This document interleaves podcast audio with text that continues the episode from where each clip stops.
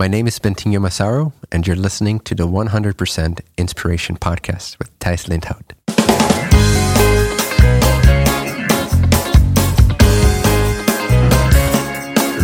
Hey, wat goed dat je luistert. Hij staat weer voor je klaar. Je wekelijkse dosis inspiratie is weer daar.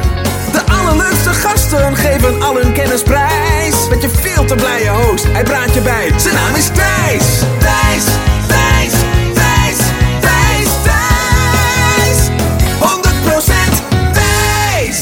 Hi, welkom bij deze laatste aflevering voordat ehm, ja, dat de maand augustus aanbreekt. En dan eh, ga ik er altijd een maandje tussenuit met deze podcast. Eh, dus in september zijn we er weer. En ehm, ja, welke episode kan ik dan het beste online zetten om jou vier weken te laten genieten, te laten resoneren en vooral te laten nadenken en navoelen. Ja, dat is een aflevering eh, na het succes van vorige keer met Bentinho Massaro. Ehm, hoe kan ik hem het kortste samenvatten, mocht je de vorige episode met hem hebben gemist? Hij is een, ehm, een spiritueel inspirator. Je zou kunnen zeggen dat hij, eh, hij verlicht is, of in elk geval dicht in de buurt daarbij is. En ehm, daarom heb ik er bewust voor gekozen om hem nog een keer uit te nodigen.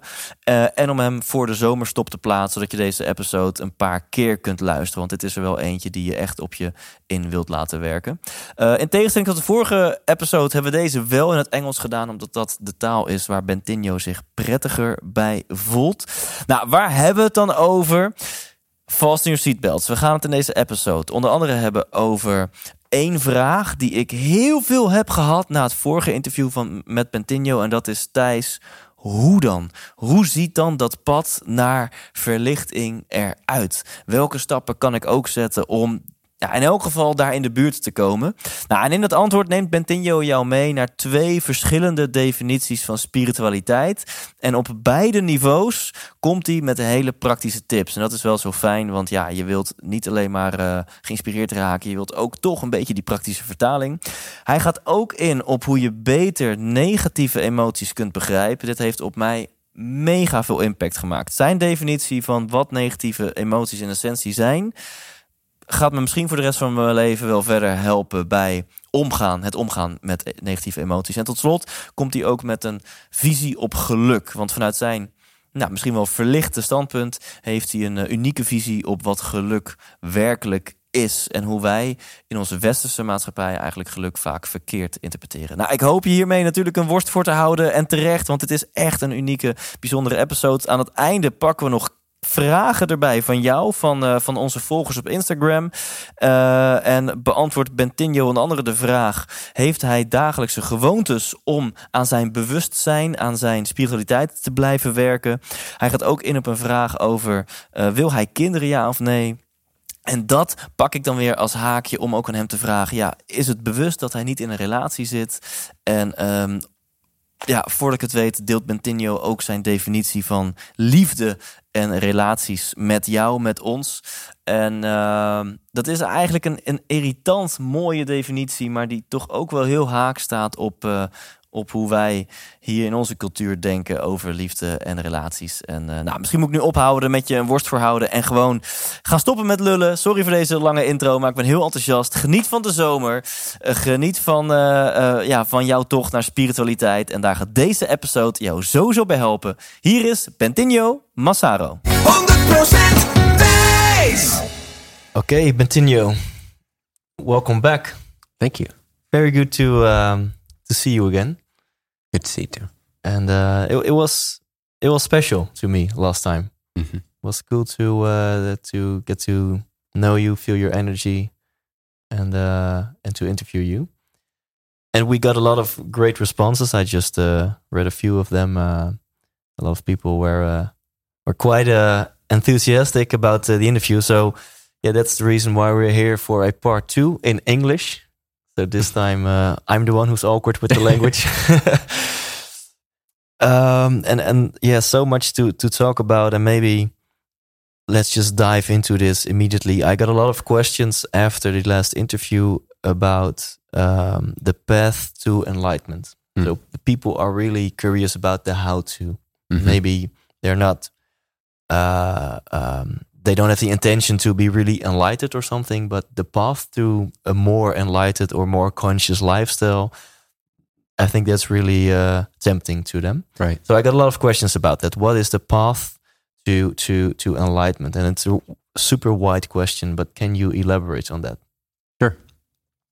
Um, I don't know if we addressed this in my. I'll, I'll try to talk a little slower also than I'm used to because it's in English. Um, but- so I'm not sure if we talked about this in our previous interview, but um, spirituality, as I found it, can be sort of categorized in one or of two categories.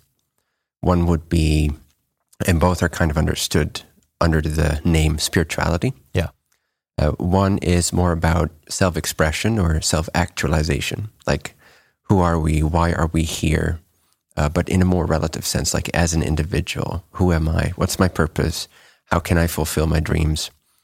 So, um, I, I call that either empowerment or self actualization.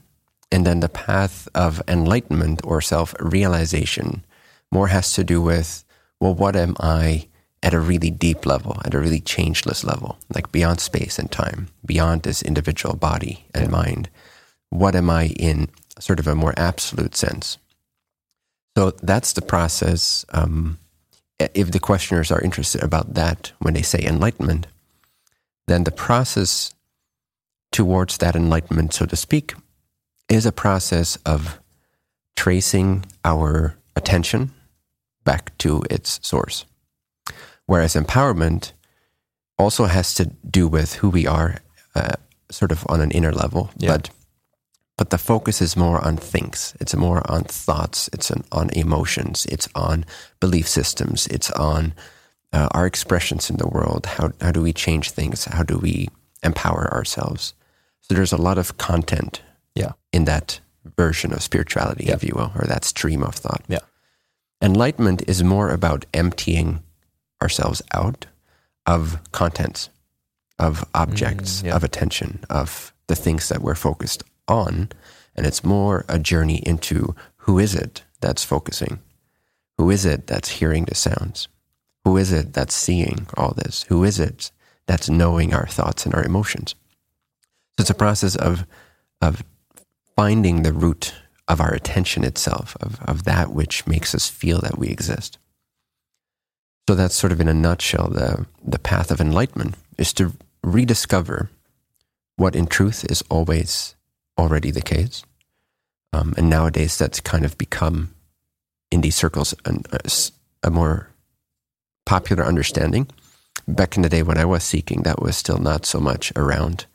Uh, now everyone kind of says like you're already perfect and stuff. But there is a, which is true. But for me, it was a profound realization at the time that this consciousness that I was looking for, that the truth of who I am that I was looking for, that it is always already here. And that somehow it's not about becoming enlightened. It's not about changing ourselves or our emotions or our thoughts in order to become someone who is enlightened and has enlightened thoughts and emotions. It's, in fact, much simpler than that, though not always easy to realize, but it is very simple, mechanically speaking. In essence, it's very simple. When you realize that the state that we're looking for of happiness, because we're all looking for happiness, or in religious terms, you Yeah. would say, like, we want to know God or we want to be one with God. But in sort of our Western society, we just sort of seek happiness. Yeah. So it's really not different than finding that happiness to be always already here. And it just requires a shift of attention, which I just want to pause to see if you have any questions, but we can get into that shift in attention. Yeah, yeah. Maybe first you can give an example of the. So you say spirituality has like a uh, enlightenment side and a empowerment side. Mm. Maybe maybe you can give some examples on the empowerment side. I think that's the the the side that's maybe more concrete, maybe more easy, Sure. Mhm. more earth. Mhm. Uh, and can you maybe give a few examples and, and, and, and maybe even some tips or pieces of advice to to explore that side for yourself? For sure. So, an example of a practice of the empowerment category would be the question what's my calling? What's my purpose? Yeah. Sometimes people call it purpose. What's my calling? What calls me forth? What, in, in a sense, what makes me happy? What truly inspires me? What's my true excitement? Yeah.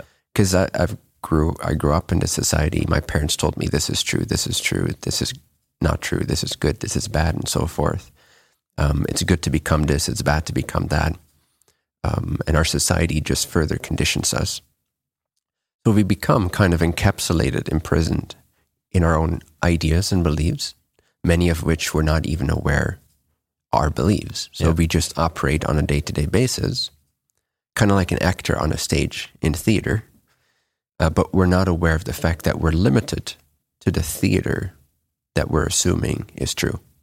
So our entire life, there's this context of beliefs, there's the environment of beliefs, which kind of forms the stage, which narrows our entire experience to the stage Yeah. of our assumptions and our beliefs. And if we don't investigate them, then all we have is all we can do is play around on that same stage. Mm, Yeah. So, And we so- and we make the playing field really small. Exactly, right? It's really condensed and defined. So once we realize that, we have a lot of beliefs that maybe aren't even originally ours. Because when we were two years old, we didn't have these beliefs, right? Yeah. Yeah. So they're not original to our, our being. They're taught, they're conditioned.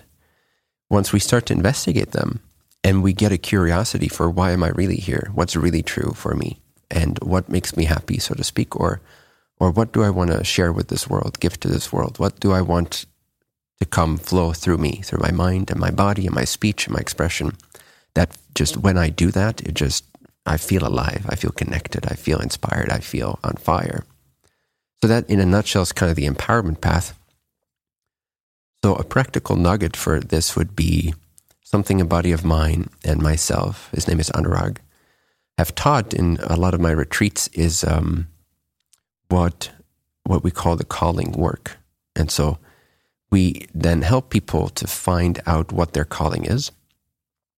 And that's a it's a very simple process. And once you have that formula down, um, and once you kind of have found what your calling is, Yeah. you- when, once you've found a name for it, once you're able to identify and feel what that calling is, now you can align all the elements of your practical life, of your daily life, to this vibration, to this feeling, to this essence, to this quality of why am I here. So once we're clear on that quality, now we can look at our lives, at all the components, our relationships, um, our activities, what we're prioritizing and focusing our energy into, and see is this a reflection? Is this a true expression of that quality of my calling? And if not, then you can begin to sort of eliminate a lot of these components and replace them with an architecture, with a lifestyle, if you will, with a focus, with a components that are more conducive. They're better channels for that calling energy that we have identified. So, for example, um, and it's it's nice to have more time to do this. So, but I'll just give a, a brief Yeah. glimpse of it, Yeah. and people can try it out. Yeah. One way to to kind of and it's it's not about solidifying it like okay this is my calling and now it becomes this concept. It, it's really about the feeling state. It's about the vibration if you will the, the frequency the state of being that you feel or are or experience once you've spotted your calling. And we use words to help us identify the calling but it's not about the words. So the words can change over time and it can develop. But basically you want to you want to get to this energy that when you feel that energy it's like nothing else matters. It's like overwhelming sense Yeah. of purpose. It's like this sense of oh my life makes sense Yeah. if i'm committed to this Yeah. right? And that's when a lot of the the sort of superficial everyday questions and problems that we have start to fall away. Because we're just so clear this true fire is burning bright as the sun and so a lot of the things that used to bother us just don't bother us anymore we're empowered by this clarity of why am I here? What's the true what's the true essence of me being here right now in this form, in this shape? So one way to get to that clarity is to ask questions such as And the way we frame it is that it's always in relationship to being of service to others. And there's several reasons for that. Um, it's easier to find out that way what your calling is, and also because we believe for for the vast majority of people, if not everyone, that is what their purpose is related to. It's their relationship to others, their expression to others. So, a question could be Can you imagine, can you go back to a time when in that moment, maybe you're just watching a movie, maybe you weren't even involved in the action. Maybe you saw someone else perform the action or say those words or ha- that event happen. Or maybe you were involved physically. But can you go back to a moment where you just felt you just felt so lit up that nothing mattered? It, there was this absolute moment of clarity. Can you? Oh, it's a question for yeah, yeah, totally. Cool. So that's just one question. Um, so let's go with that for now, especially since you have uh, clarity around that. So, how would you describe what you felt in that moment? Uh, if you had to give it a word or a Yeah, sentence, uh, I, I would say on fire. The, the feeling that I had. fire. Okay. Yeah. Now, if we put this into the formula, the formula is my calling is people experiencing dot dot dot. Yeah. So in that moment, uh, were there other people involved in that memory? Y- Yeah. Okay.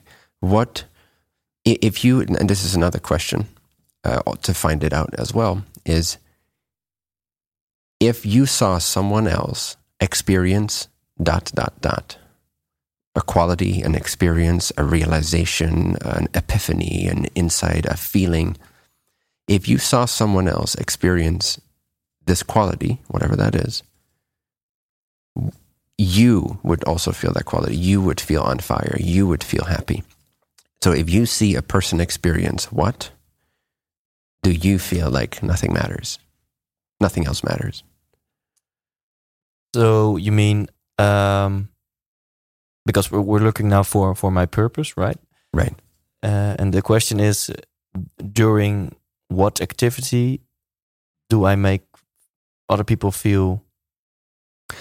So that's yeah, that's the activity is what we're just using to imagine yeah. to go back to a time when you felt that Yeah. excitement. Yeah. But in that moment, what were other people experiencing? Yeah. Oh, yeah. I, I guess it was because maybe that makes it more clear when I saw uh, a speaker for the first time, a professional speaker being playful, be, being humoristic, and being inspiring, and at the same time, I have like a, a, a twinkle in the eyes, or how do you say that? A, Mhm. sparkle in the eyes. Mhm. And, and and just my, my body went like on, on, on fire like this this this is it for me and so the other people in the room yeah they were participants of that event and i guess what they were- were pretty what- happy as well What were they experiencing? What what was this person? I, I gue- guess inspiration entertainment Mhm. So if you saw this and you were not involved, but you saw a movie of of people experiencing this quality of inspiration, um, potentially because of a public speaker, um, would you still have the emotion? Would you still feel Yeah, the feeling? Okay. So one of the important parts of the calling is is that we realize it's not about us as the ego. Mm, yeah That's an important component. That's why the formula for the calling is my calling is people experiencing dot dot dot. yeah oh cool So and and after you've found that formula for yourself, you don't have to hold on to it. But this is kind of how we identify the calling. So if you had to boil it down and say, my calling is people experiencing, what would that be? um a few things i think it's some somewhere in the in the neighbor of not only uh, inspiration and entertainment but also wholeness Wholeness, nice. wholeness connection. When I watch, I can also watch a concert, either if it's Pink or Metallica, and and when I see fifty thousand people feeling the th- the same thing, yelling the same thing, I get goosebumps, or I can even cry. There you go. Yeah, That's it. So when you said that, I was feeling it more coming Yeah. from you than when you said inspiration and yeah, entertainment. yeah, So that's how you narrow it down. And you just, there's no black or white rules or anything. You can't do it wrong. It's just a matter of getting closer and closer and closer to the particular wording of what your calling is. Again, ultimately, it's not about the words, but it's a good process to get as clear on exactly what that frequency is that you're specifically here to express that makes you light up. So try this one as you as you imagine again like that uh, concert and you see all those people experience that like how would you what would be the closest word the word is not the thing it's not the frequency but what would be the word that most closely describes that feeling yeah. Well, the first thing that came up was uh, magic. magic Magic, nice. yeah. nice what else Uh, passion. Uh, also drive. Uh, and what would make you like the happiest like if you saw that is the sense of completion like hallelujah like if a whole crowd of 50,000 people experienced what state yeah. Th- then I think it's connection. connection Yeah. Cool. And you said wholeness before Yeah. also? Yeah. Yeah. Yeah. So uh, maybe that's that word is even better. That they experience a lot of people experience the same thing. So like maybe even synchronicity or something like that. Like being one as as a big group of people. Cool. So oneness, Yeah. Oneness. sense of unity and Yeah. yeah wholeness. totally. Great. So now if you write that down in that sense, uh, or just remember it and say, okay, my calling is people experiencing wholeness, unity, oneness, connection, something along those Yeah. lines. yeah. people experiencing oneness, wholeness, and connection. If you repeat that a few times and you really, what's important is that when you say the words, if you say them too many times, they can kind of lose Mhm. their Yeah, lose yeah, their yeah. Uh, energy. But when you just say them a few times, when you think of those words, it lights you up again. Like you, it reconnects you to that same energy, right? So if people can find that sort of definition of okay, my calling is people experiencing dot dot dot. If I see a group of people experience what, then I feel complete. Yeah. So that's kind of the way to understand what our calling is. And it shouldn't be intellectual or mental. It should really be like you when you started talking about the concert, your energy shifted, right? you felt yeah. that like, oh, you were connecting consciously, you were connecting your attention to the vibration, the state of being Yeah. that is vibrating, if you will, at the frequency of that energy, which the words describe as wholeness, Yeah. oneness, connection. So once you have that, that's the first step is to identify your calling.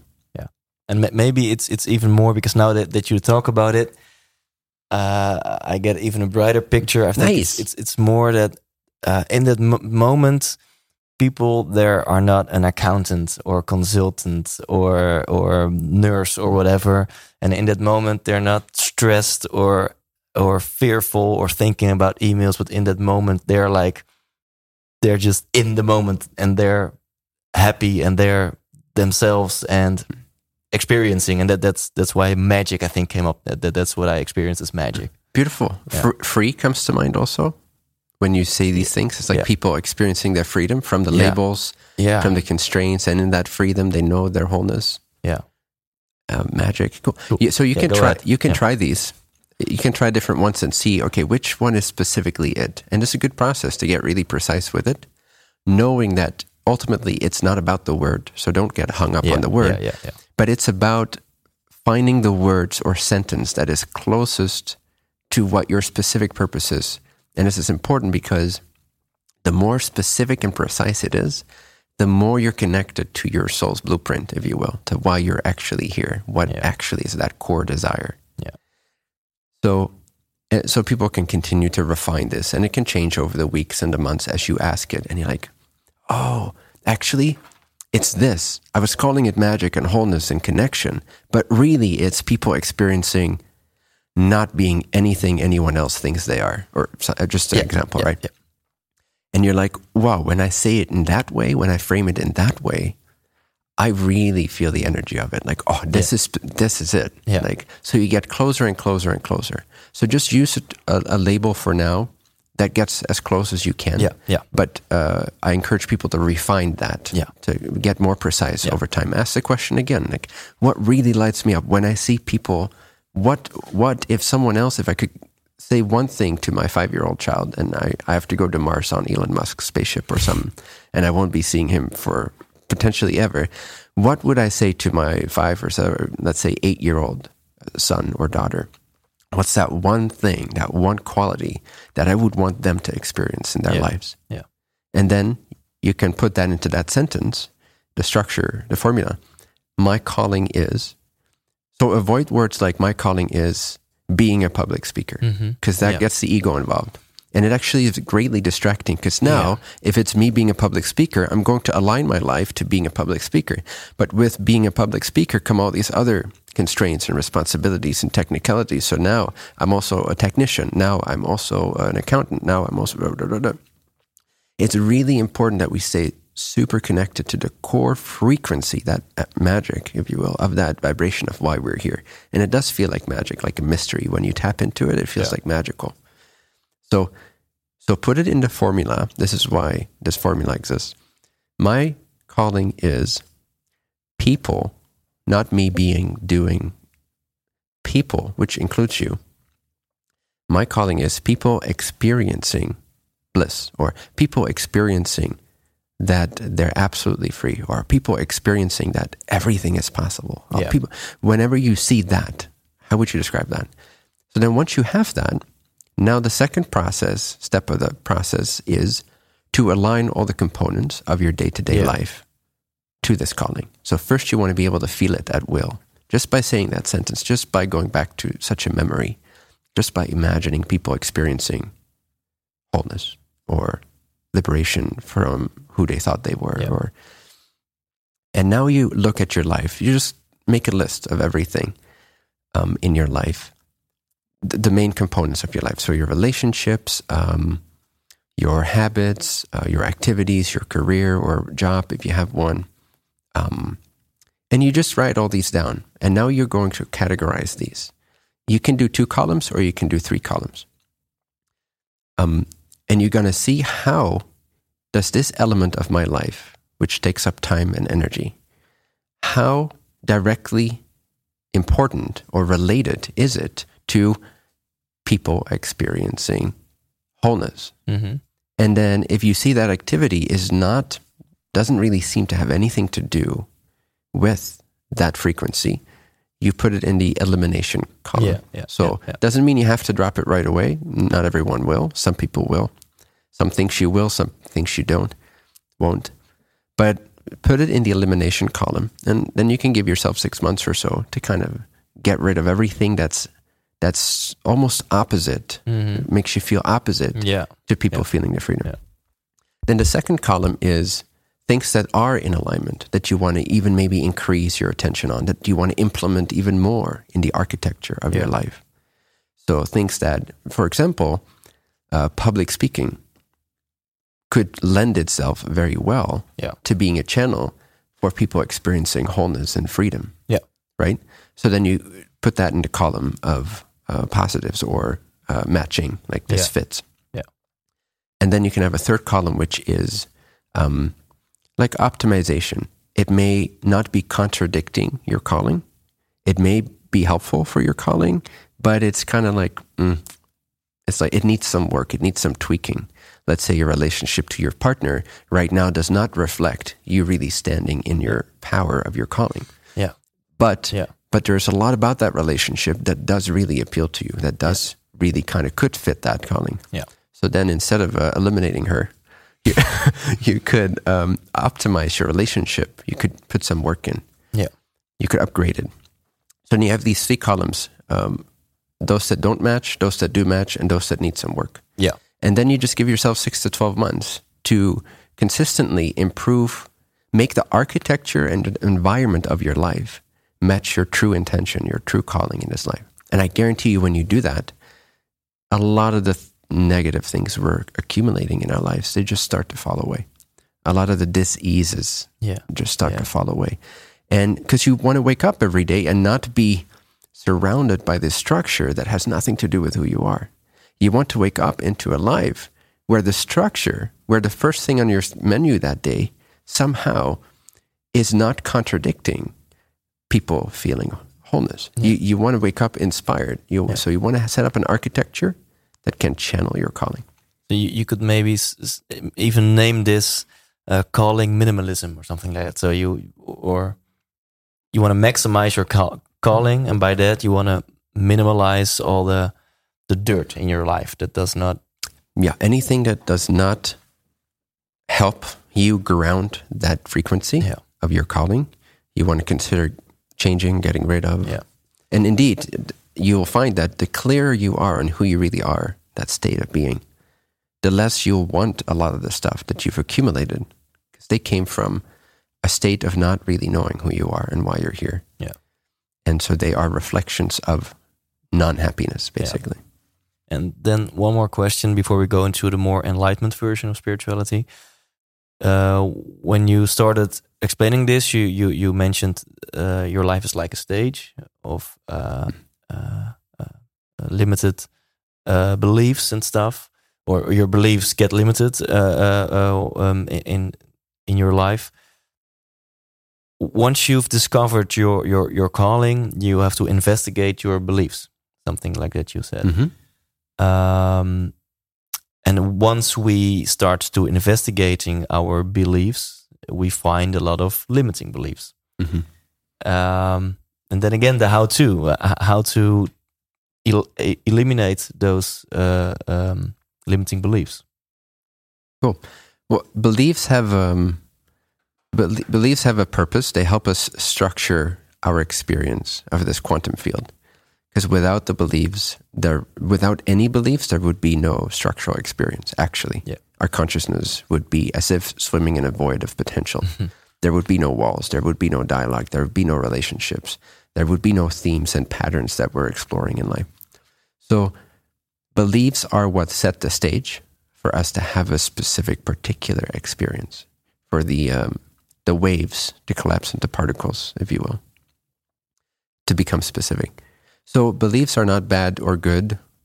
Um, they serve a purpose, but they have a shelf life. They expire. They have an expiration date. If if you've reached the expiration date of that belief system, it becomes a limiting belief system. But before that time, it's a supportive belief system, right? Yeah, cool. Cool. And a lot of people have experienced this where a belief system, maybe they first got into uh, NLP or like some kind of personal development thing and like, whoa, this is cool.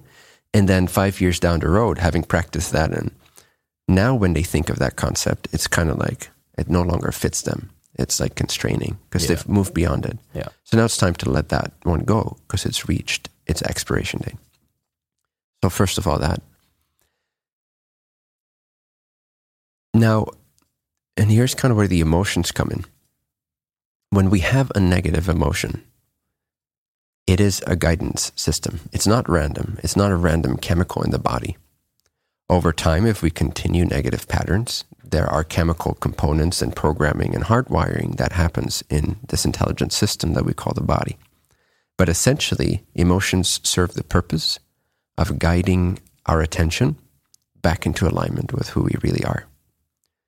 So when I experience a negative emotion, that's actually indicating that I am believing something about my circumstances or my life or myself or the other person that's not true, Hmm. or at least not true from the standpoint of who I really am.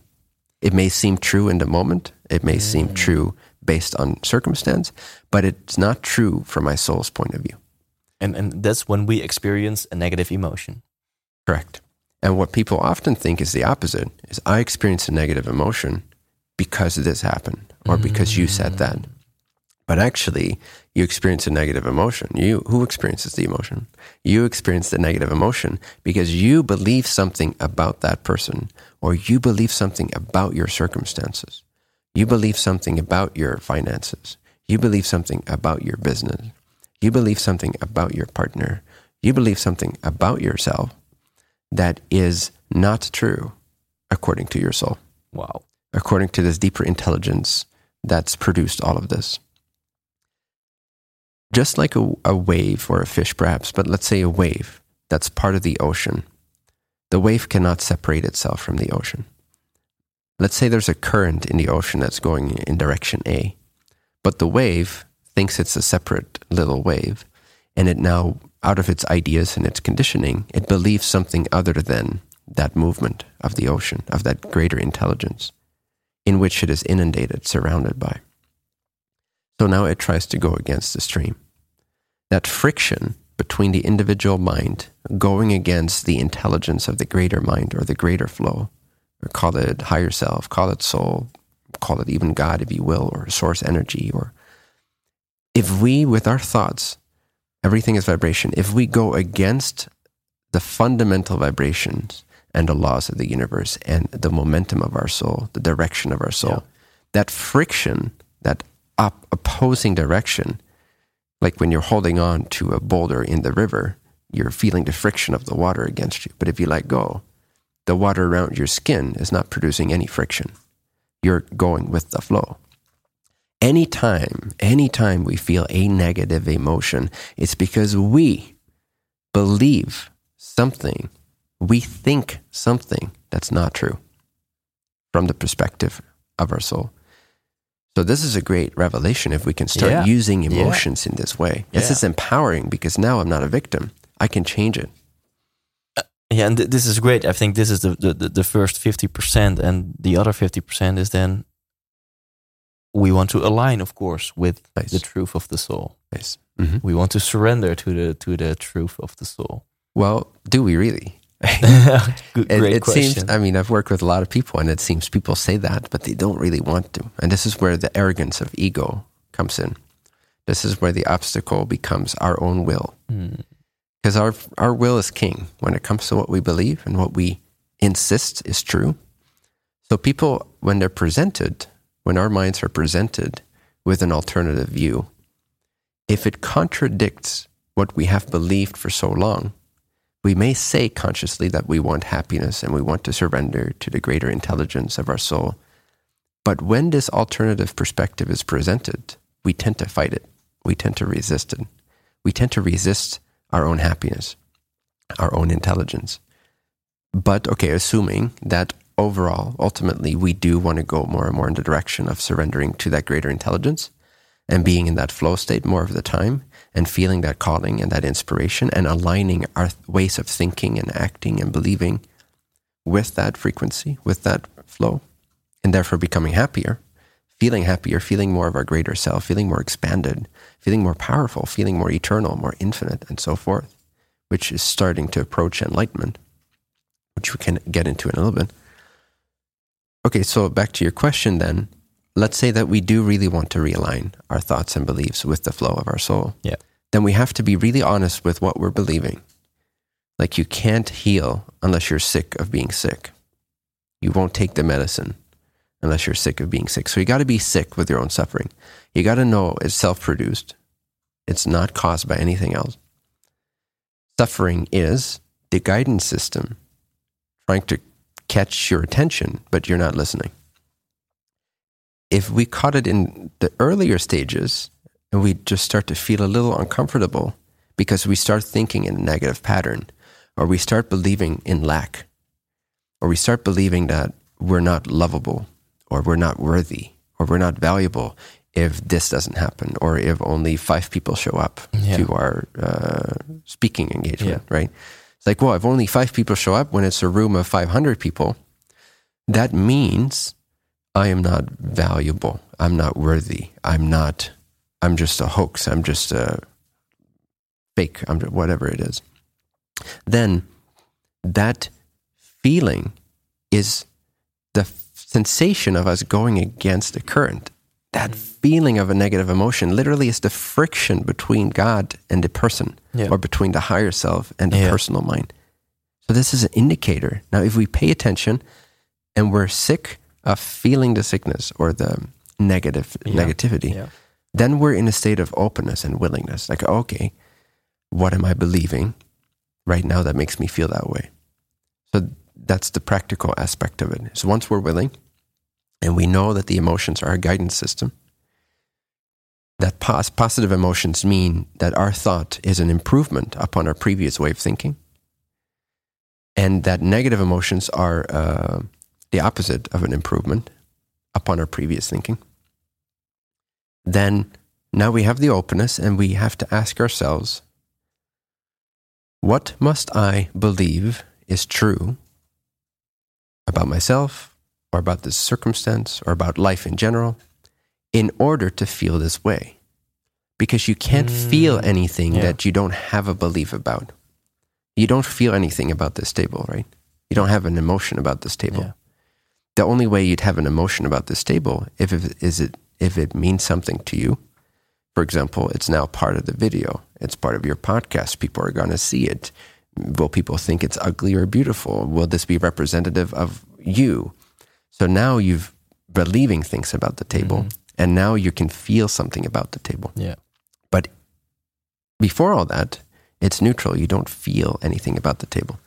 So if I have an emotion, it must mean I have a belief about myself in relationship to this event, or about life, or about this event. So the question is, what must I believe is true Yeah. in order to have this feeling when this happens? And then when you identify the belief, you can now begin to realize that it doesn't make a lot of sense. And you can't believe in something that doesn't make sense. Beliefs exist because something makes sense to us. But once we investigate it, once we bring greater awareness to it, once we become present to it, and we bring our more mature understanding of life to this belief, we will see that actually that belief doesn't make a whole lot of sense. Yeah. And once you've identified the belief and you see it makes no sense, you've automatically unbelieved in the belief. Mm-hmm. Yeah. And now you won't have the negative emotions in relationship to that event. So you don't have to really install a new belief, but the consciousness of the fact that the belief doesn't make sense is is the the healing process. Exactly. Already. Yeah. And that will naturally replace it with another way of seeing or another perspective or another belief. That because this limitation that I believed in is not true, that I'm not worthy is not true. I'm seeing it now from a different angle. I am worthy no matter how many people show up, Yeah. for example. Yeah. So it naturally shifts into a supportive belief. And that has an expiration date too, where it will be upgraded again, and so on and so forth. Awesome.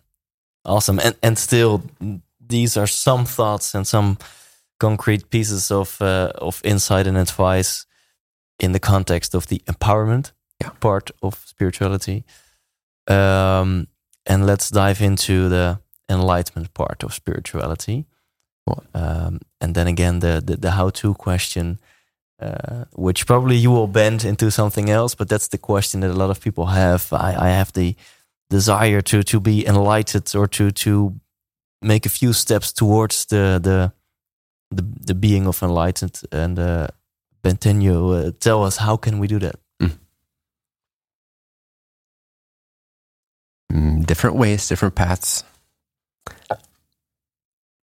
I've tried to make it my job to make it as simple and distilled as Awesome. I can for a modern day people, Yeah. civilization. yeah yeah Because there's a lot of traditions and there's a lot of lineage and there's a lot of symbolization and religion around these things.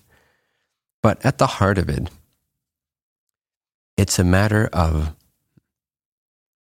becoming aware of that which is aware. It's, it's the retracing of one's own attention.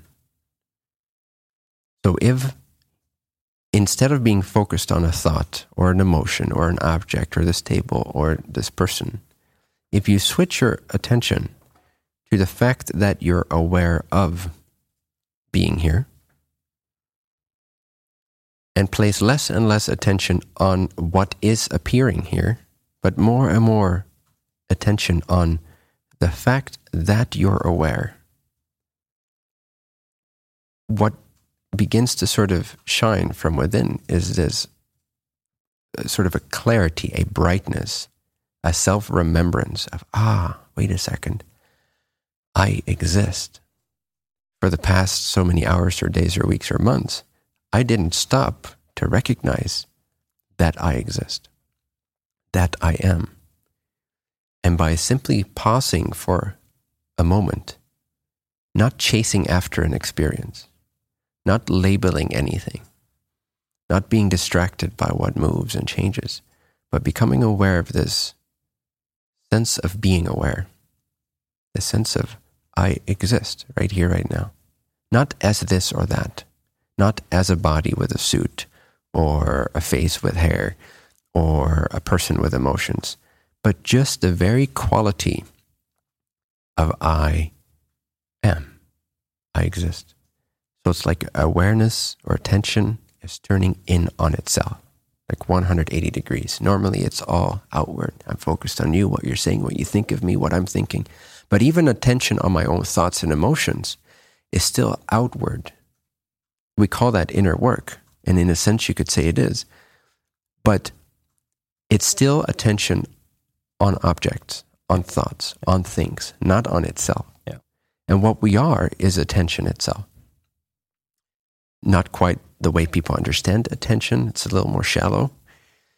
But but if you stick with attention on attention or concentration on concentration itself or bewustzijn gewaar van bewustzijn awareness aware of being aware then something truly magical begins to happen. There's this glimpsing. It's like a light of brightness, of vividness, of clarity, of enlightenment begins to illuminate our attention from within. And the more we practice this, the more it begins to outshine our attention on thoughts and emotions and our belief systems.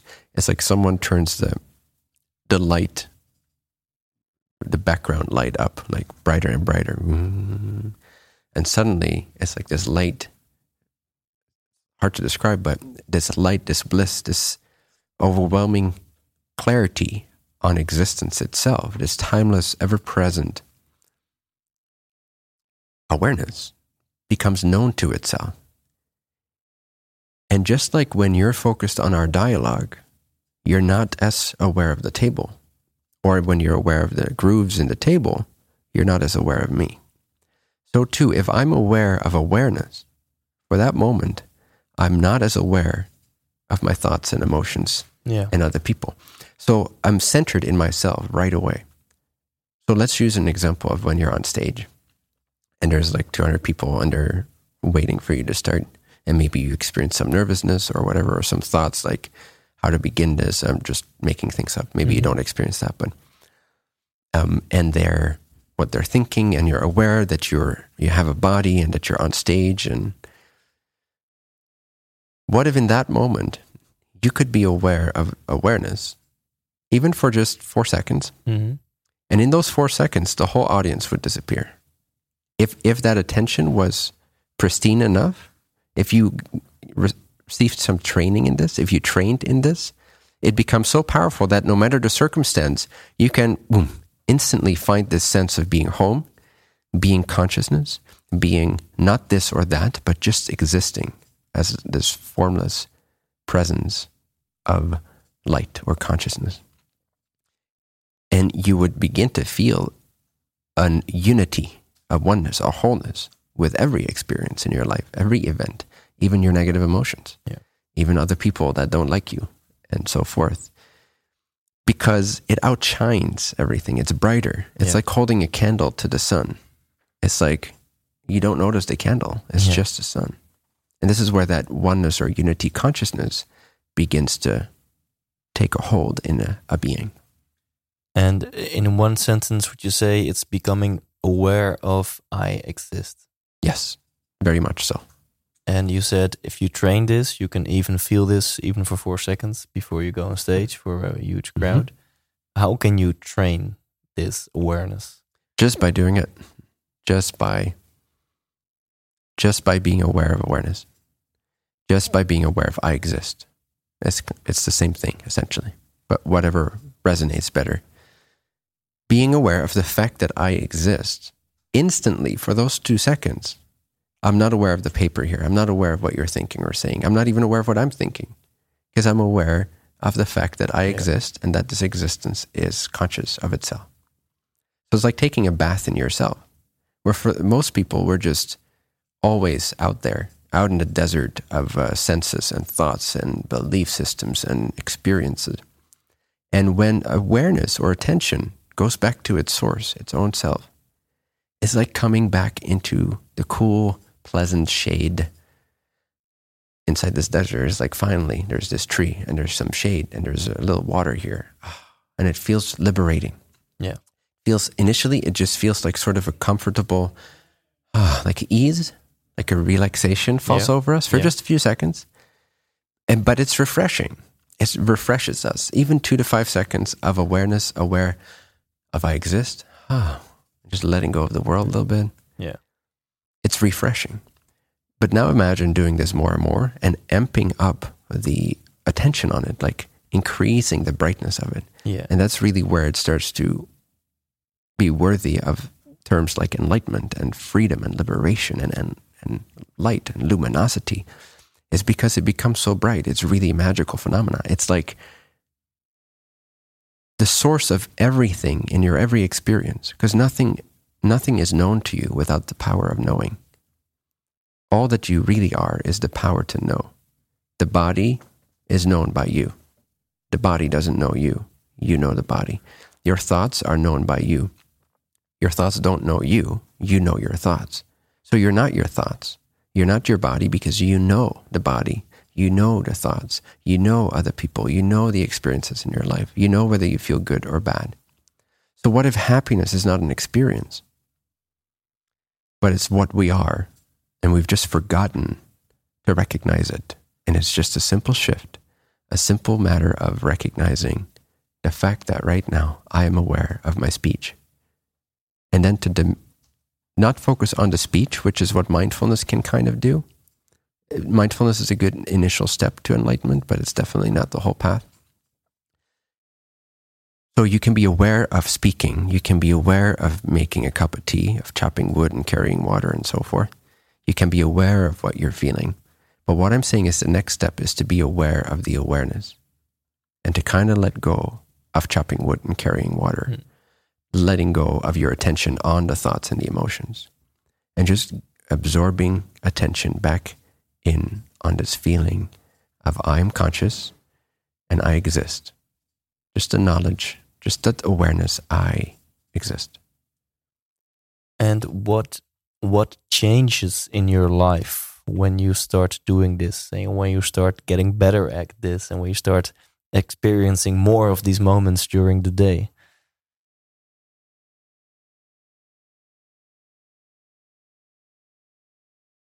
Nothing and everything. What changes is your state of consciousness, your state of being. What changes is the only thing that matters, which is your experience. What doesn't necessarily change, although it does also, but is your environment or the things that you experience. So nothing has to change. That's the beauty of this. Nothing has to change. You don't have to become enlightened. You don't have to look a certain way. You don't have to dress a certain way. You don't have to believe a certain belief.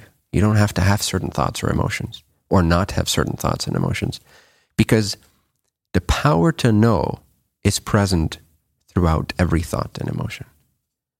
Without this root consciousness, without this background of awareness that's always here, we would not know that we're having a positive or a negative feeling. So, what if happiness is not a positive feeling? What if it's not caring about the positive or the negative feeling? Not that we can't observe them and look for the belief, because that's also a valuable practice. But what if, like Jiddu Krishnamurti said once, is you want to know my secret? I don't mind what happens. What if happiness is the natural state of what we are? And we cover it up by chasing an experience or trying to get rid of another experience or Yeah. trying to change things.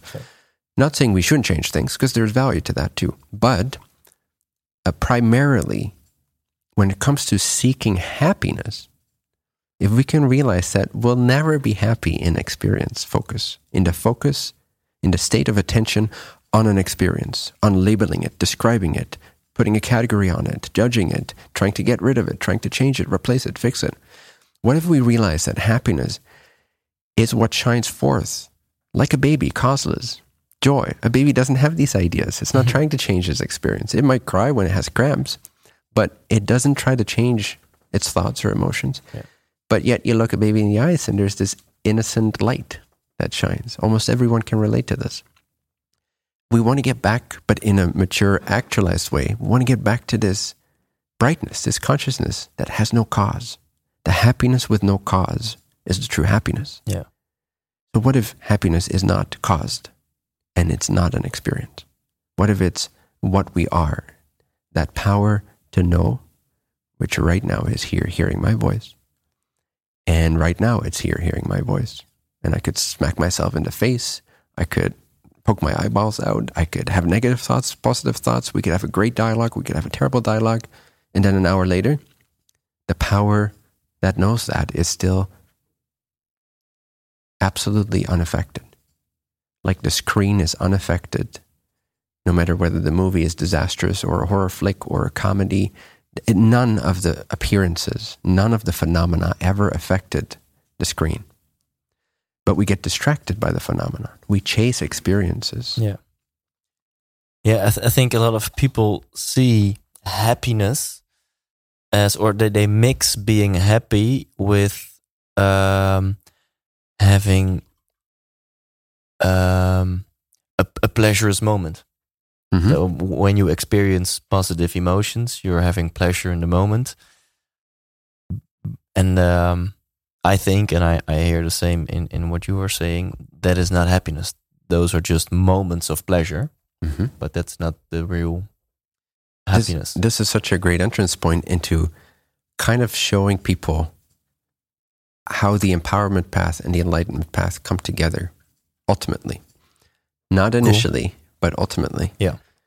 So you were saying, I think most people associate happiness with a moment of pleasure or having good feelings and good Yeah, emotions. yeah.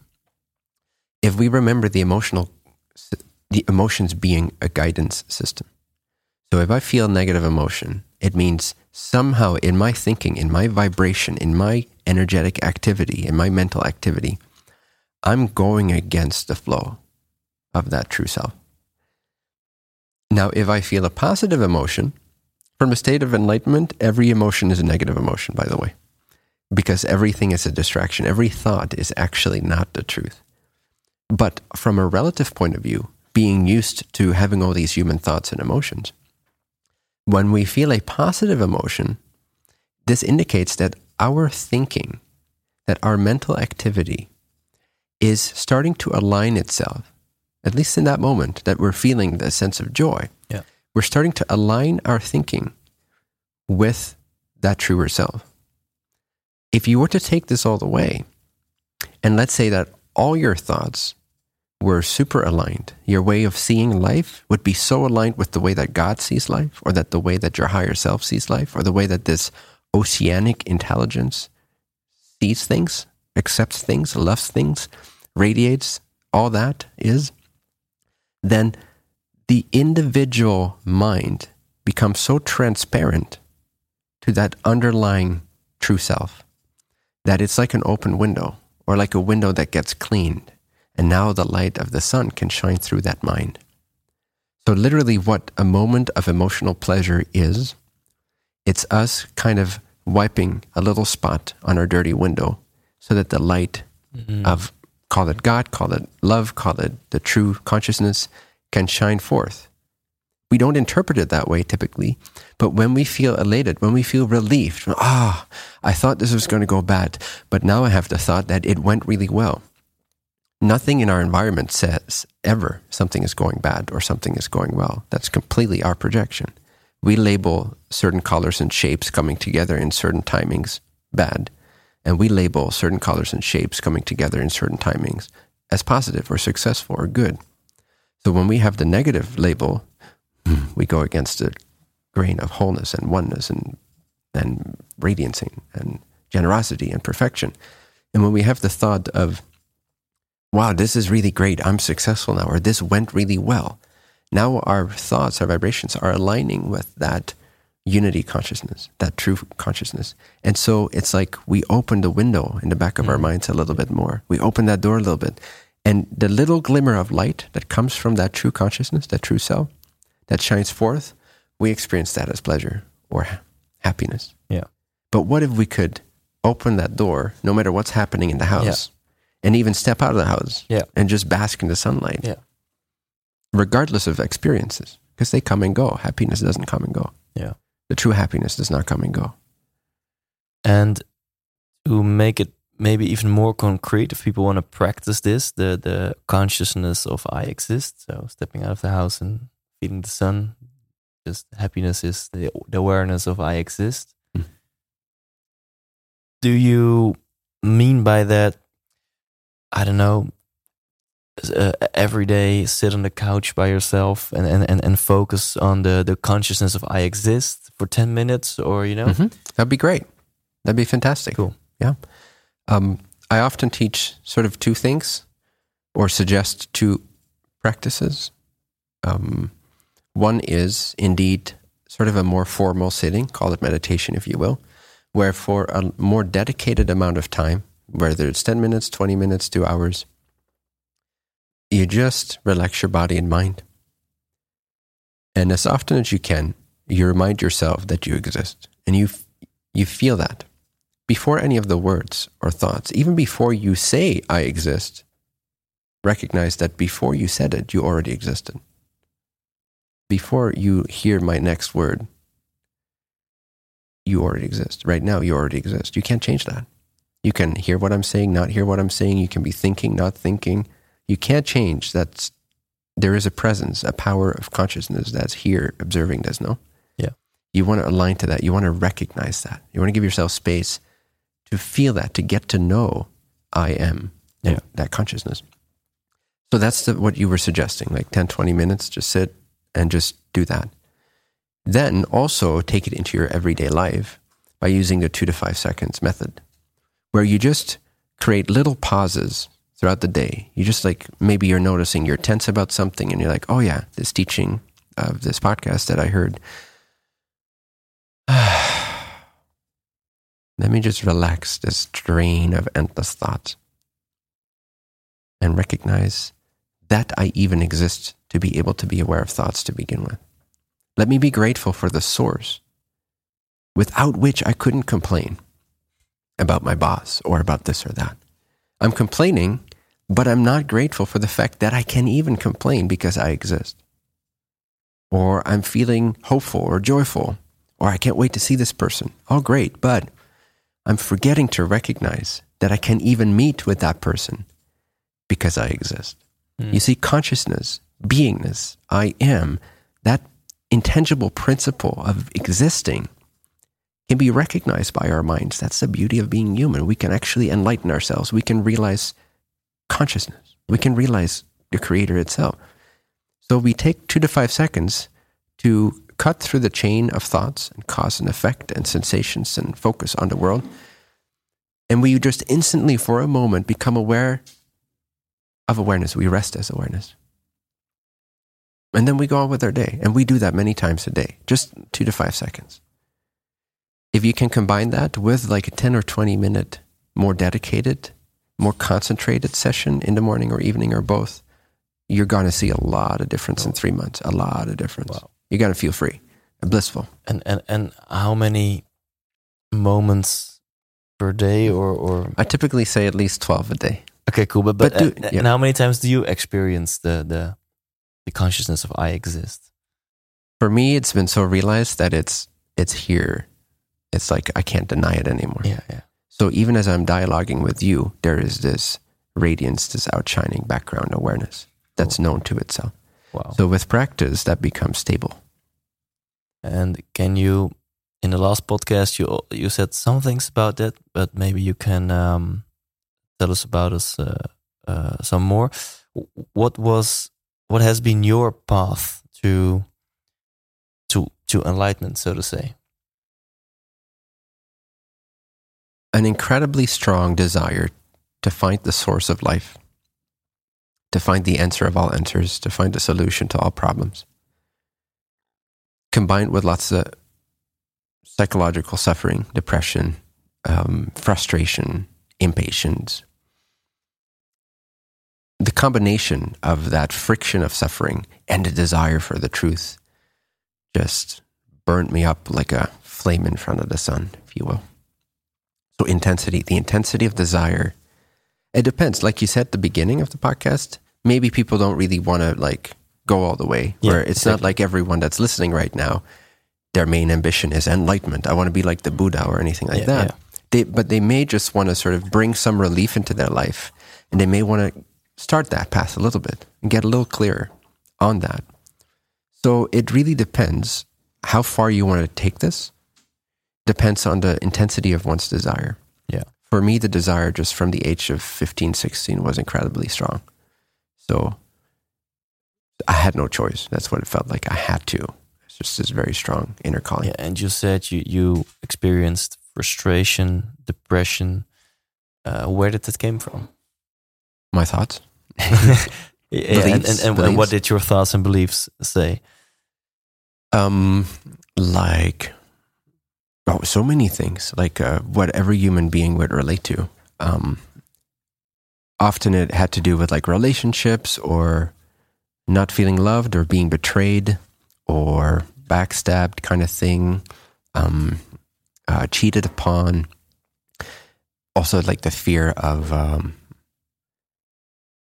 or like the lack, the lack of passion for anything in life uh, kind of feeling like anything external, any particular experience, like not fully being on the shore of enlightenment, but knowing about it, recognizing it, Mm, uh, yeah, and then it starts to deconstruct my relative life, but I wasn't ready to fully go into the light, so to speak. So then you're left with this world that doesn't seem appealing.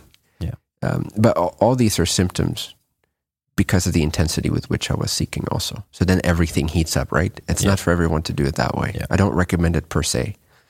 I recommend people desire this, but that's up to them. The more they suffer, the more they will desire Yeah. this. But it's just a combination of, of total intensity and relationship struggles and, and just internal like existential angst and depression and so Yeah. forth. and so the desire was huge. Uh, you, you couldn't ignore the desire. Yes. Um, how long, in terms of years, maybe, did it take you to to reach the state you're in right now? That you say, well, the the consciousness of I exist is is always there. Hmm. Well, it took me as long as to now. So I started this, I, I had my first sort of awakening really to this essential, ever present here-ness around the age of 18. Before that, I was familiar with it to some extent, but it was mostly intellectual. But that's really when I recognized that it's not something I will move towards, it's what's already here. So it was a big shift for me in my attention. And ever since, it's just been deconstructing my psychology, like turning it completely inside out over time, emptying out all my belief systems and so forth. Mm. And so then that light becomes less and less obstructed by the dust on the window. The window opens more and more, the door opens. And you could even say you just step outside the building at some point. Mm. Yeah. So how long? I mean, it's still it's still intensifying in brightness to this day. It's not a static thing. It's an alive, living, all-consuming Yes. reality. And, and and what do you do when you experience negative thoughts or emotions? There must be moments where uh, where that happens to you as well. Uh, not very often, but when it does, not very often anymore. But when it does, it's not it's not really seen as negative anymore. So it doesn't really matter what happens. Like I was saying, it's like everything becomes a different shade of light. Everything becomes a different shade of peace. Everything becomes a different shade of love. But where in the beginning we labeled as good, bad, that that all starts to soften and soften and kind of dissolve into this oneness, this like uniform, evenly distributed light. So it's hard for me to believe in these thoughts when they arise. And when they do, and there is some kind of an emotional remnant there, then um, if it's like PTSD ish, meaning it kind of is triggered by something that has a relationship to the past, and, and before I know it, there's this gut feeling in response to it there's still that awareness at the same time that's also there. So, first of all, that awareness reveals that it's not unsafe, that it's not something to worry about. So there's an immediate acceptance of the feelings as they shift and change. And if it's something that reoccurs, then I go look at what must I still believe somewhere that I'm not aware of. What is a belief that's making me feel this way? And then you just have less and less disruptive feelings, so to speak, distracting feelings. Yeah. But the one does not exclude the other. One people can have emotions and have an awareness of peace. Yeah. That's why I say happiness is not an experience. Yeah. That's really an important shift to make at some point in our maturation of self development. It's to realize, okay, I've been on this path of self development. I've been chasing positive experiences, empowerment. But really, I still feel kind of stressed. I still feel like I'm going back and forth and ping ponging. What do I really want? I just want to feel whole. I just Yeah. want to feel amazing. I want to feel that peak moment, but I want to, I want it to not be dependent on my circumstance. Yeah. And that's really when we mature in our desire for the happiness that has no Yeah. cause. That's our nature. and and then again, as you said, um, how bad do we really want it? Mm-hmm. Because isn't it the case that a lot of people are addicted to the the rat race of, of, of negative emotions and Well, yeah. What helps is to investigate why do I do that? What? Because we always move in the direction, we always devote ourselves and dedicate ourselves to something that we believe benefits us. There's no exception to this, I have found. Mhm. So if I'm doing something that I know is not generating happiness, or that I know is kind of foolish, or is no, it's like I don't really feel that good when I'm doing it. Yeah. But why do I keep doing it? Yeah. If you find out what you believe about where that action or activity or connection or relationship, the promise that you believe it holds for you, the hope in, oh, this will Mm. give me that. Yeah. If you can find that belief and again look at it until it seems to not make sense, then it's like you're free of putting all your energy Yeah. into this thing Yeah. that you were chasing. And you're like, I don't actually even want it. I just thought I did. And then that, again, that happiness shines through more. And Yeah. that inner mirror gets cleaner and cleaner. That inner window gets more and more transparent to the light of God, Yeah. to the light of that which is, which cannot be described, but it's so ever presently here, knowing every single experience. Otherwise, I couldn't be here and I couldn't talk to you and I couldn't complain and I couldn't feel depressed and I couldn't feel happy. It's because of this root something. And we have the capacity, the magical ability to become aware of that. Yeah. That is enlightenment. Awesome. And maybe let's end with the topic of self love. Um, Mm. how much self love do you uh, experience? Oh boy. so much so that I'm hated for it by some. yeah, it's frustrating for others how much self love you have. Yes. This world cannot handle self love. Not set up that way yet. I experience um, I experience a shit ton of self love, just as the natural state of what I am. To the point of freedom. Yeah. Love. and, And there's no distinction between me or others. And, and and what do you mean by some, some people get get angry by it or or Well, if you if you're if you expose a dense system of thoughts and negative beliefs, and we call that human, we call that normal, right? What we call normal is very sick. It's very very sick, in my opinion. Yeah. From the perspective of this wholeness, this light, this unity, what we call human normalcy, it's it's very distorted. So, if you show something that does not fit with that, and this light definitely does not fit with that, or at least so they believe, then everyone's going to be offended. They're Yeah. going to have their panties in a twist, as they say, um, over the light that they don't. That they they fight it. They Yeah. fight the happiness. They fight the joy, and they call it arrogant, or they call it narcissistic, or they call it uh, fake, or whatever Hmm. they call it, because they can't believe that someone can be happy or radiant or know some of the things that I seem to know, or talk in that way, or talk with such confidence on these matters, or make certain claims about my experience, because they don't experience that and they don't believe they can. Mhm. Therefore, they believe nobody can, and therefore they stop their own seeking. And if they can't get there, then they'll try to bring down that which claims to be there. yeah Right. Yeah. And um, I mean, I know that in the awareness, in the consciousness of I exist, there is there is loads of self love. Hmm.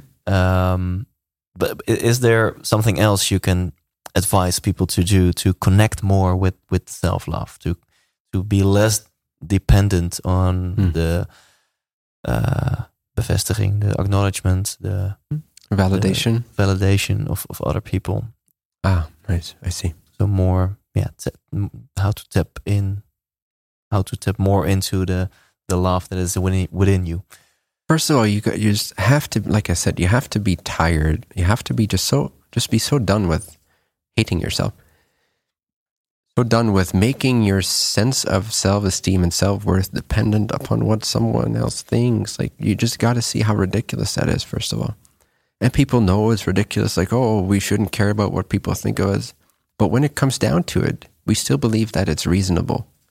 We still think it's it's fine, it's normal to believe that. Yeah. But we really got to see how ridiculous it is to not live, to not love ourselves, to not flow with this energy, to not express our calling, to not believe in ourselves, just because there's a whole bunch of naysayers that are unhappy.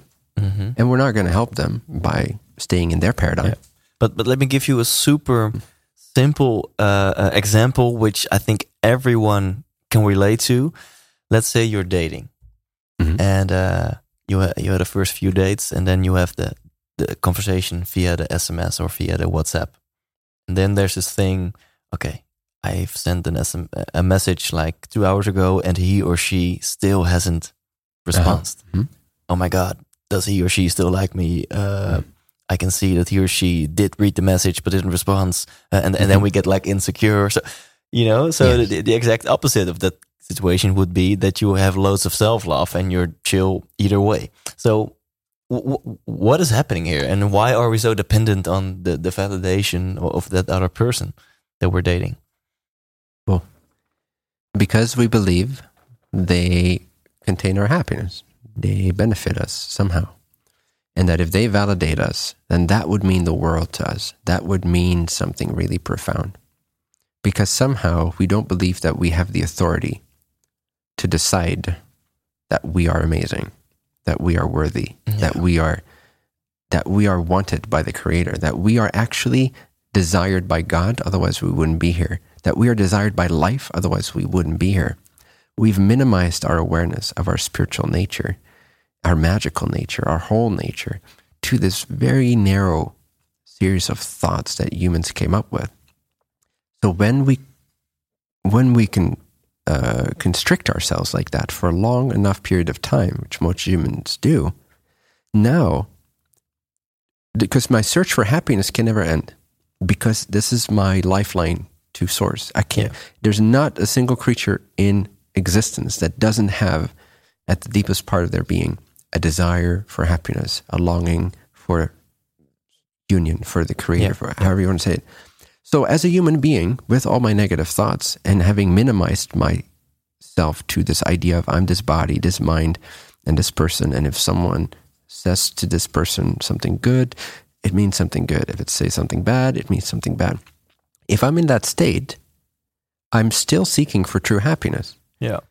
even though I've clouded myself from it. So now what do I do is I'm going to project and believe that that happiness, which I cannot help but seek and want more than anything, it's why I do everything I do, mm-hmm. why I decide everything I decide. I just decide on foolish ways to do it. I look for love in all the wrong places. But I am looking for love, make no mistake. I am looking for happiness. Mm. But because of my beliefs, I can now only project it into experiences and environments and other people. And I give other people more authority Yeah. over my self love and respect Yeah. And self determination than I give to myself. It's a very painful state to be Yeah. in. Yeah. And yeah, that's the human normal state. That's And and and for how to change that is the Mm. question, I guess. for kind of everything I've talked about in this session. Um, because ha- when we find happiness in the right place, self love starts flowing abundantly. Self respect starts transforming our entire psychology. It will take some time for most people, but we start to see these things as nonsensical. So let's say then I'm texting and I see like, oh, she read this uh, two hours ago. She still hasn't replied. What does it mean? if you know the happiness that is consciousness itself, the bliss itself, that life force, that existence itself, once you've marinated in that, once you've taken a bath in that sufficiently enough, this happiness is also love. It's also respect. It's also joy. It's bliss. So the more I know that, the more transparent I have made my mind to this light of life itself, of existence itself, of pure consciousness itself. Then, if I were to feel these feelings texting, I would just get this ping from inside, this uh, this uh, little alert flag button, like, "Hey, wake up!" What? And then I'd be aware, like, why why am I feeling this way? Like, it's just an old habit. I'm Mhm. actually there's a belief in my subconscious that thinks that somehow this woman can say something, think something, do something, touch me, not touch me, and that that would mean something when it means nothing. It means absolutely nothing. Yeah. If someone touches me or not touches me, inherently it means Yeah. nothing. This table doesn't mean table. Yeah. We call it table. I call it significant when a woman touches me. I call it meaningful when they answer my text Yeah. and give me positive words. Then I decide to feel good about myself. Why do I feel a positive emotion when a woman calls me, let's say, uh, oh, handsome, I want to be with you? Let's say that they reply finally after two hours and I've been stressing for two hours. It's like, ah, yeah, she did. She must have just been busy. Oh, good. Okay, it's not that she doesn't like me. She likes me. So she says she likes me or she loves me. Now, why do I feel positive emotion? It's because my thinking has shifted from beliefs that have a vibration that go against the current Yeah. of yeah. truth and love and abundance to a thought that it's still a distortion, but it is closer in harmony. Mhm. There's less friction. Yeah. The difference between that is huge for me. So I call it happiness because I went from a really Mm-hmm. Yeah. conflicting state to a lesser conflicting state. Yeah. And therefore, I associate her loving me with the feeling of my true self shining through the back door. What if I could fully open that back door? I wouldn't need any woman. Mhm. So once again, you you start investigating your belief, and the belief that must be underneath this is that you give her more authority Mm. to your happiness than yourself, Yes. and then you begin to see that that, that is a really silly belief. Yes. Plus, it's a lack of self respect. Plus, it's not attractive to the woman either. Yeah. So you're most likely going to repel her at some point. Yeah, yeah, cool. we we have some questions of the Cool. um, uh, the our Insta friends. Wonderful. Are you ready for them? Yep. And let's um, let's see how much we can do. Uh, uh, J- Helena, she's just giving compliments. She says, uh, "Love you, Bentinho. You are crazy. I discovered so much good through you." So um, that's cool. Thank you. Um, maybe this one is a biggie. Um, Else Simsek, she asks, "I know by now you are not your parents, but you do your parents. How can you break through that?" So I think what she means is what we are is not determined by our parents and the conditioning from our parents, but it's something that we do. So we we continue to mimic it, to copy it, Yeah. to emulate it, right? Uh, and what was the last part? What was the question? How to break through that or something? Yeah, how how can you break through that? Yeah, Well, the knowledge that you have is crucial that you're not your parents. Um, an acceptance is helpful because there is, within the illusion of energy, there is some momentum to genetics. There's some momentum to conditioning. There's some momentum to ancestry being passed on. So we are, in a sense, in our thinking, in our conditioning, in our habits, we, we and to some extent our physiolo- physiology, our physical bodies, our makeup, our G- DNA, and so forth, genetics. To a degree, we are at that level. We are a product of um, our ancestry. So, doesn't mean that that defines who we are, but it means it deserves an acceptance rather than a resistance. Yeah. So the breaking through part, absolutely break through it, but make sure that your desire to break through it doesn't come from resistance. It's okay if it does, but try to accept the situation first Yeah. of all. Because what's important to realize is whenever we resist certain experiences, let's say tendencies that our parents have passed on onto us, habits and Yeah. ways of thinking, If I resist it, I actually am saying that I am that, but I don't mm. want to be. Yeah. It doesn't feel true to who I am, but I'm saying it does have a power over me. Yeah. That's why I resist it. If I accept it, it's like, oh, it's okay. And it's not who I am. So now we can already instantly begin to heal it and, and d- separate ourselves from it by seeing that it's not who we are. But Yeah. if we push it away, we're actually believing that it is who we are. That's Yeah. why we need to push it away. Yeah. But if it's not who we are, then it can just pass through. It can just be there. We can accept it and understand it and forgive it. And then more and more, we'll experience ourselves as free from it. So acceptance instead of resistance. Yeah, acceptance, understanding it as much as you can without getting too analytical about it, but see if you can understand sort of the pattern that created it, why your parents did it the way they did, Yeah. and why that transferred onto you, and why that. If you can understand the belief system behind all that momentum, it's helpful. But the most important aspect is the acceptance and the forgiveness of it. Yeah. Then you're free of it. Awesome. Um, I, I think a great answer for uh, for else. Um, then let's go to the question of Kali Lind. Um maybe this is the same exercise that we talked about in interview, but he asks, does Bentinho have any daily habits that he does to expand his consciousness? Not really in a typical sense. Um, and I alternate a lot between my habits and my schedules, so I don't have a cons- very consistent thing. No, I would say no. To expand my consciousness, I would simply be aware of my consciousness. I would Yeah. simply expand my consciousness. Yeah. There's no means to that. It's just, it's just the will to Yeah. do it that does it. So there's no habit needed for me at this stage. I just do it if I want to. I just expand it. I just highlight it more if I want to. Um, so, but I would say for most people, a meditation is helpful. Contemplation, having some time to yourself. I have time to myself, which helps sometimes to make sure that there is a, a clarity of perspective with whatever I choose to still be engaged in in my life. But um, I like to. I enjoy cigars, for example. They actually kind of ground me. So uh, Mm. sometimes I do the opposite.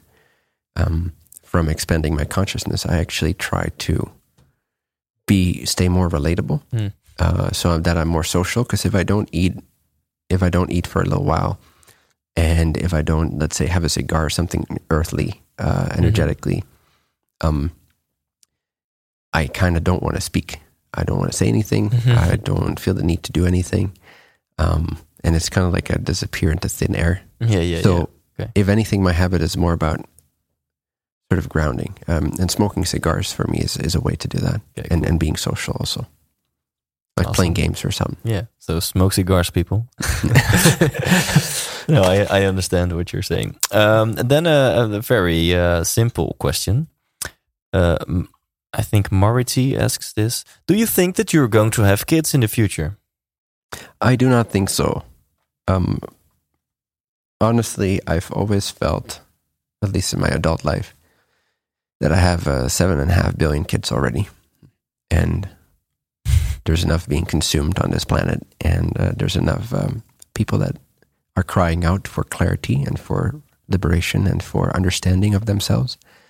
And my heart goes out to all of those calling voices, those calling minds. And I think having kids of my own, as people call it, which I don't believe exists, but would just ask for so much of my attention, personal attention, that Yeah. otherwise would go into matters that I believe Mm, uh, yeah, affects the whole more. So, and also, I don't have a desire. Um, I don't have a desire to have kids. Makes sense. Do, do you have a desire to have to be in a relationship? At this stage, no. Um, I'm open to some kind of partnership happening again, but I'm uh, very hesitant to engage at this stage uh, with any kind of relationship. Yeah. what, what's the um, the cause of that hesitance? Um, bad experiences, I think, in terms of I've used to be like a hopeless romantic, and I probably still am at heart of the human aspect of it. Mm-hmm. Um, so yeah, just that nerdy friend zoned like guy who would just be in love with their best friend for like seven years, Mhm. you know? Yeah. Um, I've had many different kinds of explorations, different types of settings and relationships ever since. I've been in a relationship with two women at the same time that were also sort of in a relationship with themselves. I've been married, divorced. I've tried open relationships, committed relationships. I've tried no relationships. And the my conclusion is that relationships don't exist. And they um I talked about this at length in my podcast, which will come out soon on this topic. But basically, relationship is an agreement that we make um, that you behave in a certain way or you limit your freedom, Mm-hmm. and I will promise to limit my freedom so that I can feel more safe. And I call that love, Mm-hmm. Right? If you behave Yeah, in a yeah, certain way, yeah. then I, I won't have to face my lack beliefs. Yeah. I, I won't have to face my fears. And if you don't do that, then you're cheating on me. It's impossible to cheat on someone. It's impossible. It's impossible to break an agreement. Mm-hmm. But if you look at the nature of things, we're all free creatures, we're all free beings. And so true love doesn't want someone else to sacrifice their dreams or their path, or even if they have a really relevant exploration with another entity, to try to minimize that so that I feel safe, it just doesn't feel like love to me. So for the last few years or so, the concept of relationship has seemed non-existent to me. It's like I look into the present moment and I can't find relationship. It's an agreement Yeah. between insecure. It's a contract between our insecurities, and then we call it love. Yeah. But is it really? Yeah, it's it's a very very interesting topic. I think to most people, to me, um, me myself, I I one part of me wants to be super spiritual and enlightened, and not that I am there, but the desire. uh, One part of me has that desire, and the other part of me just wants to be super earth Mm-hmm. earthy and just wants to comply to have a relationship and and get married and and have kids and Wonderful. yeah so and and, and that's uh but but but I totally agree to what you say it's it's it's also a bit silly to to say okay I need you to limit some of your desires and, Right. and stuff so that I feel more safe so that I feel more loved so that I feel more Right. happiness It- yeah And it's a gradual process. For me, it took many, many, many years to get to that freedom. Yeah. Many years of investigating myself because it was one of my biggest fears.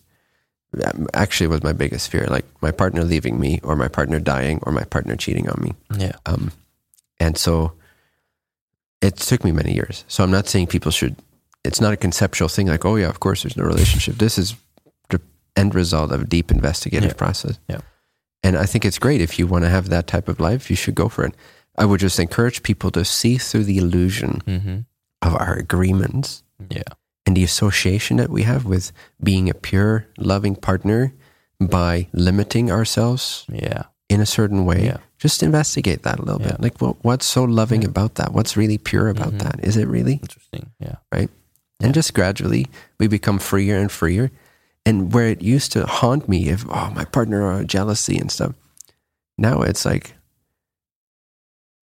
it's just a silly idea. And and that freedom, the freedom about these concepts, and the fact that you have this light showing through, and that you have this confidence and this power, no matter what, allows you to actually love. If if it doesn't come with freedom, it's not love. Yeah. But that's a gradual process. People should honor where they're at in their belief system. Yeah. But just begin to investigate it. Yeah. Begin to have a pure understanding of love. And then you'll see relationship is an agreement. Doesn't mean you can't be together. Doesn't mean you can't have an amazing life for like 50 years and sit on a porch when you're 80 years old and like look back on all the wonderful memories. You could do that. Wonderful. But look at the false assumptions of what love Yeah. looks like. Yeah. And, and do you think that it's um, would it be possible f- for for you that that a woman would enter your life and all of a sudden the yeah, you, your your heart explodes, and one all of a sudden you are that jealous, super insecure, uh, validation needed uh, uh, Bentinho. Every, everything is possible. Everything's possible. Okay, cool. Yeah, understand. It, it's not very probable, yeah, but it is ever possible. W- will be interesting, I guess. It, w- it would be fascinating. Yeah. yeah. Okay. Cool. Let's go into uh, let's do one or two more questions. Um, uh, Kevin, Kevin Martin, he asks, "What advice would you give to a young, aspiring spiritual teacher?" Focus more on your own purity, your own purification, your own enlightenment than you do on the action of being a teacher. Hmm. Hmm. Because really, the action of being a speaker or sharer, inspirer, or teacher, that should never become a label in your own mind. It, others can call you that label, but as long as you see through the illusion of that label, just like the illusion of the Yeah. relationship label, Yeah. if you see through the illusion of teacher and guru and whatever they call you, then then you ensure that your state of being stays really connected to what's authentic and what's true. Make it about your own purification and make it about truly how you can truly be of service to another. Hmm. Always check in with yourself. Am I teaching now to hear myself speak? Yeah. Or am I teaching because this person is asking for a very specific type of clarity? And I've experienced that type of clarity and I can verbalize it in a way they can integrate that. Yeah. What do they need?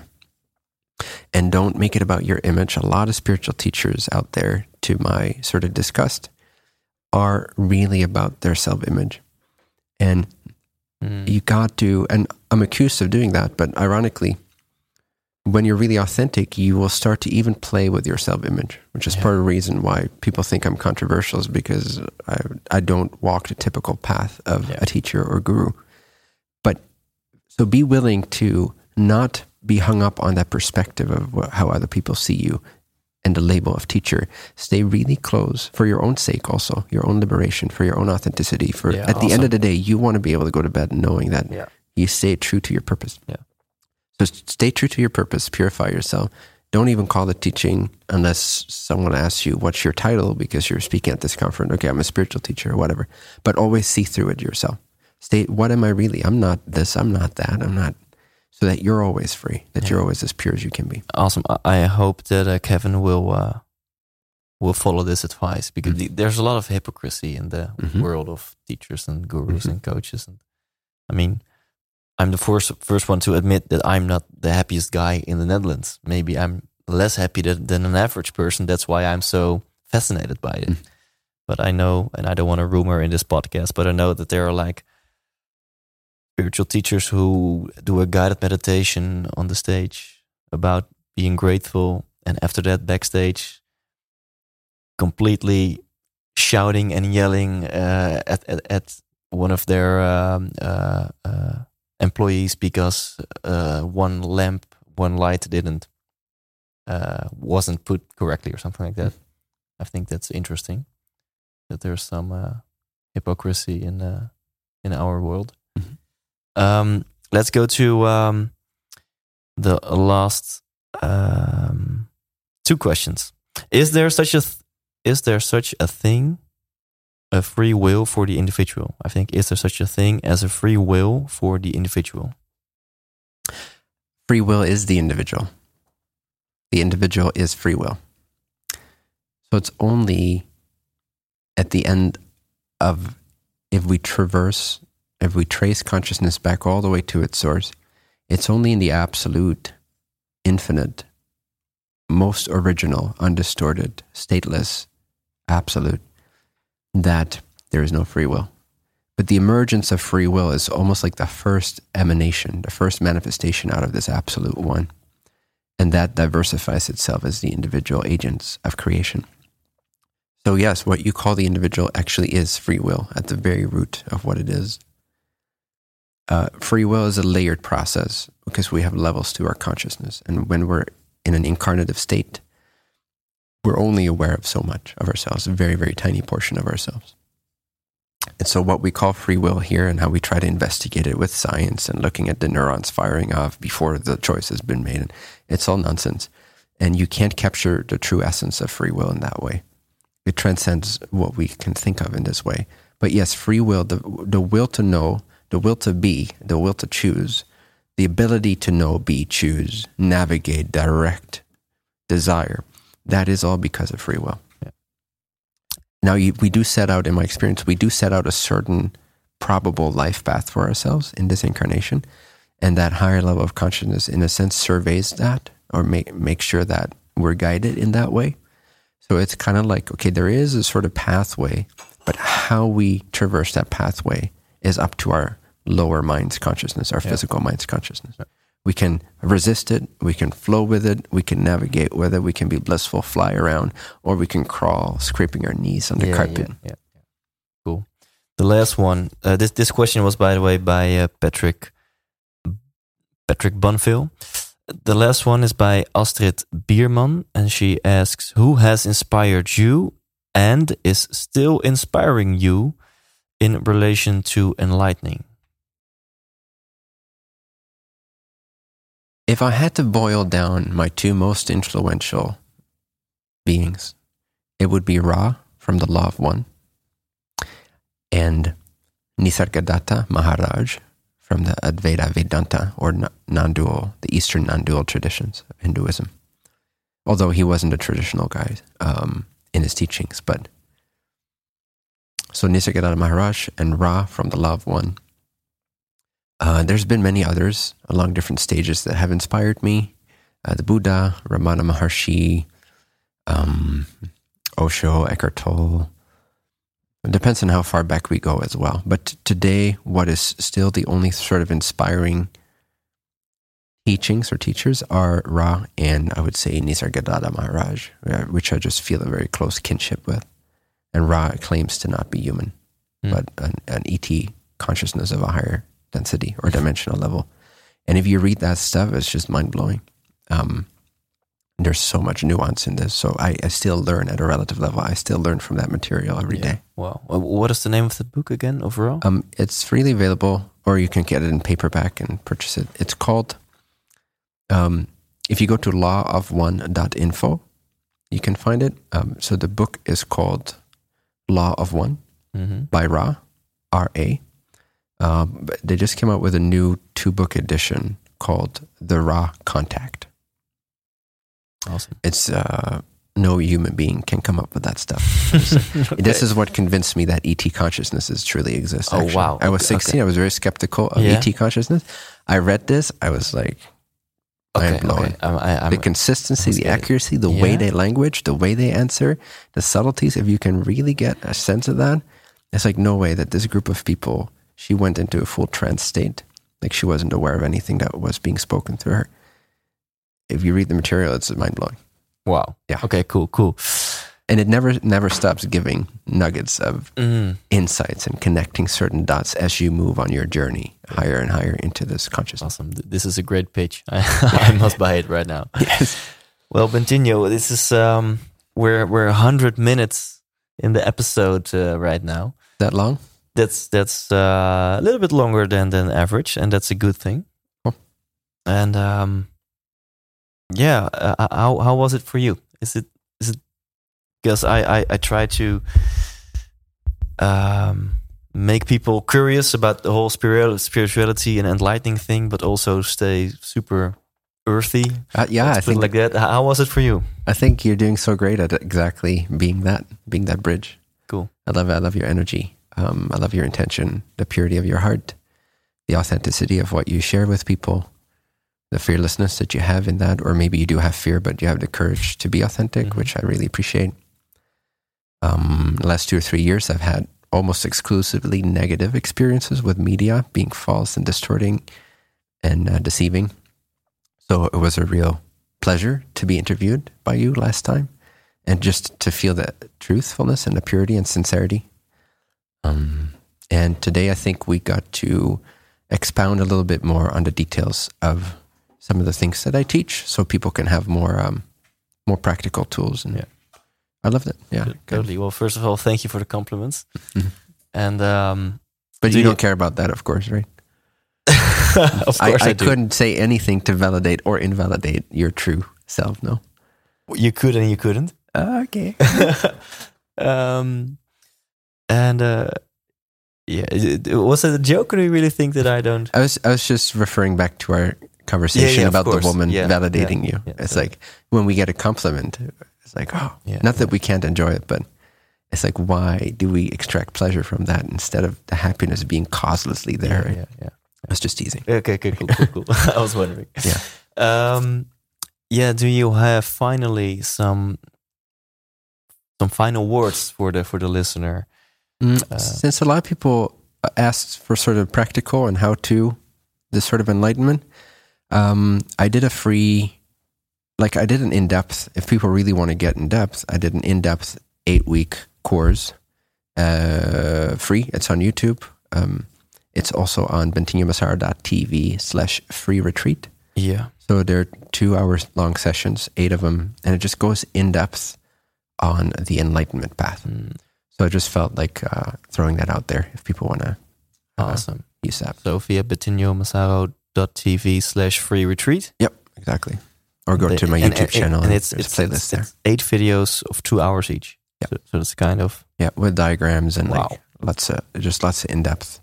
So if they really like, if this inspired them to like Yeah. know more about the Yeah. happiness that's causeless, and they want to connect their uh, conscious attention more to that deeper intelligence, then I would just recommend this because it's very uh, complete and it's freely available. So no, Awesome. no strings attached. awesome. And I hope people will do that and people will um, uh, uh, have the, the guts to um, to go experience with the consciousness of I exist. And as we discussed, like 10, 20 minutes.